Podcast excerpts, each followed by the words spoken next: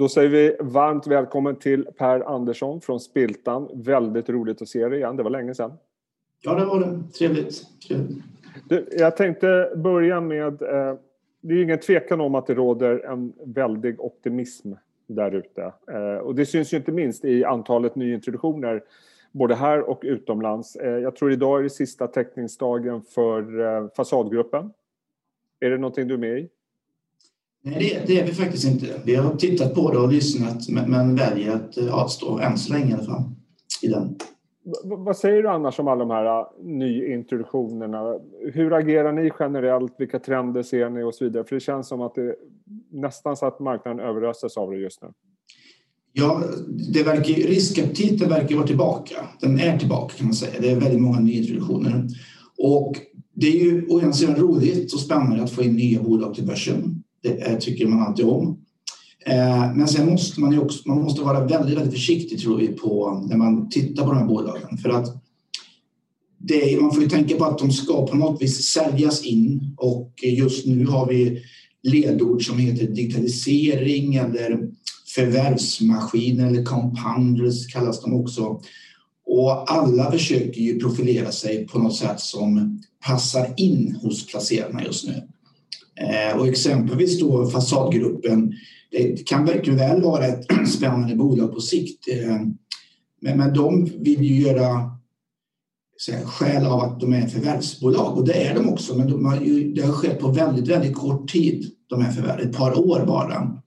Eh, och de vill då konsolidera fasadmarknaden i, i Sverige och Norden och som vi bedömer så behövs det nog lite mer tid innan man kan bevisa. För att, att förvärva ett bolag eller tio bolag, att, att göra förvärvet i sig är inte svårt. Men det svåra är att köpa rätt bolag och få rätt struktur. Så man får se upp med de här moderna orden som vi brukar säga. Det påminner lite grann, eh, inga andra likheter med hur det var under IT-håsen när alla skulle bli dotcom-bolag ungefär. Ja, men li lite så. Lite så är det faktiskt. Ja. Vad säger du om värderingen annars på de här bolagen som kommer in? Är, är det generellt eh, det som sätter stopp för att ni är delaktiga i flera av dem? Det kan det vara i vissa fall och, och värderingen är generellt relativt hög. Börsen är ju relativt högt värderad. Sen har vi också ett ränteläge som är unikt lågt. Eh, och så vitt alla bedömare säger så kommer det vara så för en överskådlig framtid. Eh, så det är klart att man kan eh, ta en högre värdering men, men nog kan prislappen ibland vara lite aggressiv, absolut. Du, om vi ska försöka summera det här året. Det här har ju varit ett unikt då. Jag tror inte jag varit med om någonting liknande faktiskt, att det har gått ner så snabbt och sen upp så mycket. Eh, hur, eh, om, om vi blickar tillbaka lite grann i våras, hur, hur agerade ni då när det var som skakigast? I princip satt vi alltså still i båten för att det, var, det gick som sägs så snabbt. Det kom så plötsligt och eh, det var oerhört svårt att överblicka vad, vad slutar detta? Eller vart, vart tar vi vägen? Um, vad vi givetvis gjorde var att se över att portföljernas, eh, eller portföljbolagens eh, finansiella situation. Det gjorde vi direkt bara för att dubbelkolla, ser de finansiellt starka ut eller kan det komma massa nyemissioner och sådant? Eh, och det var väldigt, väldigt lite sådant faktiskt som dök upp. Men att försöka agera och tajma en sån här kraftig marknadssättning som det var i våras, det är väldigt svårt. Så vi, vi valde att sitta lugnt och bara låta detta verka ut helt enkelt. Hur, hur påverkade det avkastningen kortsiktigt när det blev så extremt eh, resa uppåt? Gick det mycket om lite grann där i början? Ja, ja, kortsiktigt så gick det ju absolut inte, men det gick ju ner som, som för alla i princip. Det gjorde det. det, gjorde det. Och, och nu när, sen när röken börjar lägga sig, om man ska säga så, vi har anpassat oss, vi har ju klarat, börsen har ju klarat andra vågen eh, väsentligt mycket bättre. Eh, hur agerar ni då? Gjorde ni några större förändringar, nya positioneringar eller hur tänkte ni? Eller satt ni kvar med de kärninnehaven ni, ni hade från början? Ja, i grund och botten har vi gjort det. Sen så kan man ju då öka upp oss lite grann på marginalen eller skala ner beroende på hur, hur bolagen utvecklas. Men grunden är ju ändå att försöka ha bolag som över tiden ska kunna leverera. Så att en sån här pandemi påverkar ju bolagen, påverkar börsen givetvis. Men, men eh, man får på något vis se bortom de här faktorerna och titta på har bolaget en produkt eller tjänst som de facto fungerar oavsett om vi har lågkonjunktur eller vi har en pandemi. Och, så. Och, och, idag då så fick vi reda på att den första patienten i UK har fått eh, vaccin från Pfizer. Det är patient mm. nummer ett. Och det är helt klart att börsen har eh, påverkats av det här sen, vad var det, 9 november när Pfizer kom ut med första beskedet. Hur tänker ni framöver nu då utifrån det och hur agerar ni på det? Alltså, november var ju urstarkt så att frågan är hur mycket är inprisat och hur mycket får gå fel från de här nivåerna om man uttrycker sig på det sättet? Ja, det är klart att, att som du säger, mycket är inprisat och det, det värsta som skulle kunna hända, mm. eh, både ur mänskligt perspektiv men även då ur, ur aktieperspektiv, det är ju att vi skulle få några biverkningar som inte är kända än av vaccinet. Så det blir ett bakslag. Eh, då tror jag inte marknaden blir speciellt glad om man säger så. Men om vi bortser ifrån det och vi, vi tror nu på att de här eh, vaccinerna eh, kommer att fungera eh, så finns det ändå någon form av stöd för en hyfsat bra börs nästa år. För att räntorna är väldigt låga och vinsterna är väldigt nedtryckta på bolagen. För det här, det här året är ju nästan förlorat kan vi säga i bolagsvinster för det stora flertalet. Så det finns ju mycket att hämta när ekonomierna är uppe på ja, normal aktivitetsnivå igen. Faktiskt. Och det är faktiskt vinsterna som driver eh, börskurserna på sikt och börsvärdet helt enkelt. Men, men, eh, om man tittar nu, nu eh, börjar Q4-rapporten börjar trilla in någon gång i, i, mitten av januari. Också ett förlorat kvartal misstänker jag, inte minst med tanke på andra vågen. Men är det så att marknaden kommer börja prissätta in, eller kanske redan har börjat göra, att det är liksom under andra halvåret 2021 som vi kommer börja få någon form av normalisering och slipper nedstängningar ja. hösten och så vidare? Är det så man ja, ska ja. se på det? Det, det, tror jag, det är nog rätt analys. Man ska, marknaden räknar inte längre med några fler nedstängningar. Marknaden räknar med att vaccinet snabbt rullas ut så snabbt det går och att allting återgår till normala. Och det, var det ligger i, i marknaden just nu. Så det gäller att det infrias. Det, så, det så, så, fullt fokus på eh, vad ska man säga, logistiken kring vaccin och hur det kommer rulla ut och hastigheten och eventuella biverkningar. Det, det blir liksom full fokus på det. Ja, för att vi... Början. Valet är ju, det amerikanska valet är ju överspelat. Ja. Sen har vi naturligtvis en Brexit framöver oss, men det där har ju hållit på ett tag nu, fram och tillbaka. Så jag tror inte att fokus är så mycket på det, utan det, det är vaccinet och vaccinets hållbarhet som, eh, och funktionalitet som kommer att vara i fokus här. Intressant. Jag tänkte att vi ska titta på ett par av dina eh, innehav som, som du kanske vurmar lite extra för. Och det första är Fortnox. Eh, en fullständigt fantastisk resa som det här bolaget har gjort. Jag tror det kom in på börsen 2007 eh, klassisk, skulle jag vilja säga, entreprenörsverksamhet som har vuxit fram, givetvis från Småland. Ni har varit med väldigt länge. Varför det? Vi tyckte att den här affärsidén var väldigt, väldigt spännande och den, den kom in då i vår aktiefond Småland från början. Mm. Och sen så har vi tagit in den i övriga fonder också. Eh, och det har den här digitala processen med, det börjar med redovisningstjänster på nätet, alltså online. Istället för en diskett in i datorn så kunde vi koppla upp det var hemifrån direkt på webben och sköta sådana här uppgifter. Och nu har de sedan utvecklat detta till flera kringtjänster eh, Eh, och de har också ett affärsområde som heter Fortnox Finans och ett som heter Finans, äh, Fortnox Försäkring.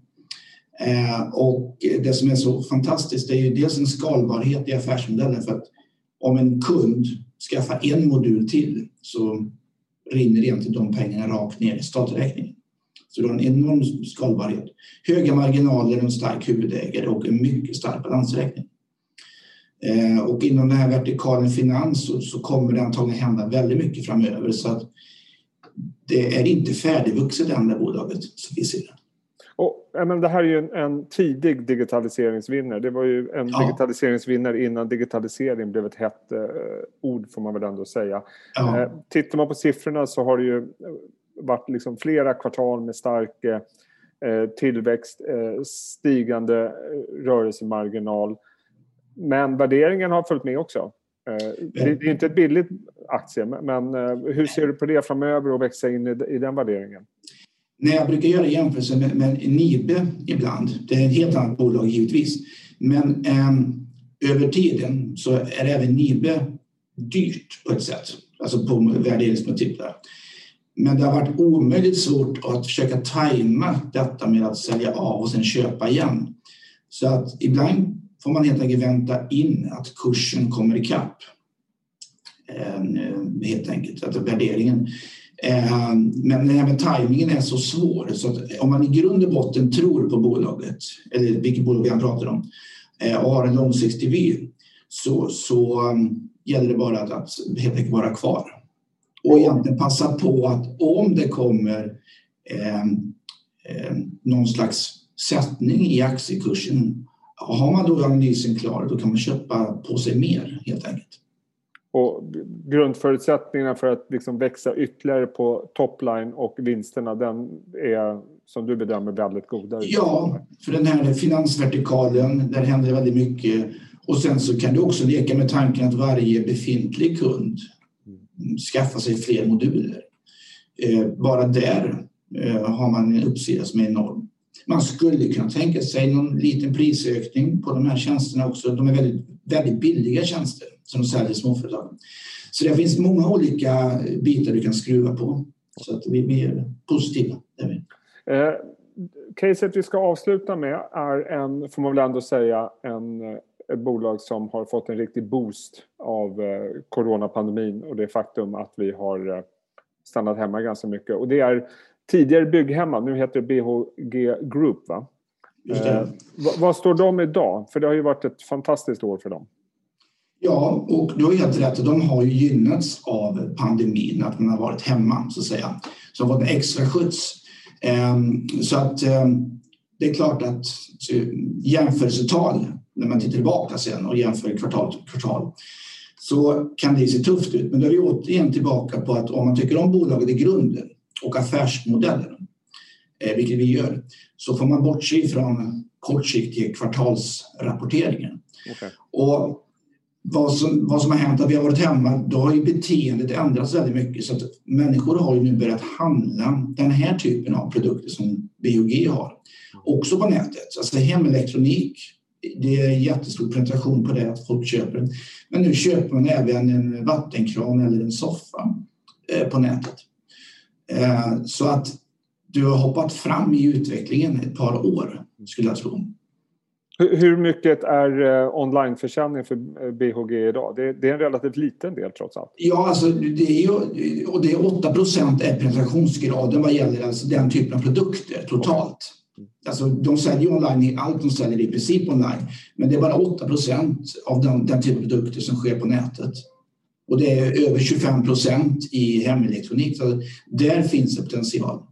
Och, och, om man tittar då, vi, vi pratade om svåra jämförelsetal nästa år förutsatt att vaccinet eh, får den effekt vi hoppas på. Jag tror att BHG hade väl en organisk tillväxt på dryga 30 procent sånt där i senaste kvartalet. Men, men, du menar att ett, marknaden kommer ha man, man ska ha överseende med det för det är en bra grundmodell och att man kan växa ytterligare genom att gå mer från online, från, till online. Absolut, absolut. Men, men det kan absolut vara lite skakigt när man ska jämföra ett kvartal som har varit i den här pandemin. Men, men i grund och botten så är folk kommer inte sluta att handla på nätet och inte sluta med produkterna bara för att vi har ett vaccin, utan detta kommer för att stanna och det växer. Okay. Och om, om man tittar då på eh, resultatmässigt, man, man ligger väl på en rörelsemarginal på 7-8 procent, något sånt där va? Om, om man slår ut över ett året. Jag tror man låg på dryga 7 procent efter nio månader. Vad finns det för förutsättningar för BOG att eh, liksom steppa upp även där? Det finns rätt så goda förutsättningar för att deras mål har ju varit och är fortfarande runt 7 procent. De har sagt på medellång sikt. Nu ligger de i princip där. Så att eh, vår bedömning är att de kommer nog släppa andra finansiella mål, alltså högre finansiella mål. De bör göra det. Och det kan de skapa genom ett att de köper in en eh, billigare inköpspriser för de har blivit rätt så stora. Och det, det, är, det är mycket logistik, både inköp och givetvis att få ut produkterna till kunderna. Det handlar om en sån här affärsmodell. Eh, sen också eh, öka andelen egna varumärken. Där har man oftast bättre marginaler. Eh, och de två bitarna tillsammans, plus att man tar marknadsandelar, eh, det bör kunna höja marginalen i det här bolaget. Och man har ju höga marknadsandelar idag. Eh, det är extremt fokuserat på Norden. Jag tror det är över 90 procent omsättningen är väl på den nordiska marknaden. Finns det några... Alltså hur, hur ska man se på expansion och förvärv i ett sånt här bolag? Är det fortsatt fokus på Norden eller kan man förvänta sig att man kommer öka andelen som ligger utanför eh, vad ska man säga, kärnmarknaden? Det är ju inte, det är möjligt. Det är ju klart möjligt och det, det är ju lite det kan ju vara faktiskt lite enklare för den här typen av verksamhet och affärsmodell att expandera. För att vad de gör vad gäller förvärv, de köper ju upp eh, andra hemsidor helt enkelt som de oftast behåller namnet på. Så att, som du sa i början, Bygg Hemma hette det tidigare. Då var det en sajt som hette Bygg Hemma. Den finns kvar och så heter koncernen BOG Group. Men de har ju massa, massa eh, hemsidor som heter Det de har hetat hela tiden när man förvärvat dem. Eh, och det är mycket lättare att förvärva ett sådant och göra utlandsexpansion än att gå in på en ny marknad och säga, sätta upp en fabrik eller köpa en annan tillverkande enhet och så ska man då kombinera olika företagskulturer. Så att det här digitala eh, affärsmodellen är något lättare att gå utomlands med faktiskt skulle jag bedöma det. Och, och rätta mig om jag har fel, men jag, jag, tror att det här är bolag som har starka kassaflöden så att det finns en, en hygglig förvärvs, eh, förvärvsmöjligheter att växa även det sättet. Ja, det gör det. Gör. Du, eh, jättespännande Per. Fantastiskt kul att se dig igen. Det var alldeles ja. för länge sedan. Jag hoppas vi följer upp det snart och att vi får ses på riktigt. Eh, ja, hoppas jag också. Ja, eh, sköt om dig och ha en riktigt härlig jul och ett gott nytt år. Ja, detsamma. Tack, tack.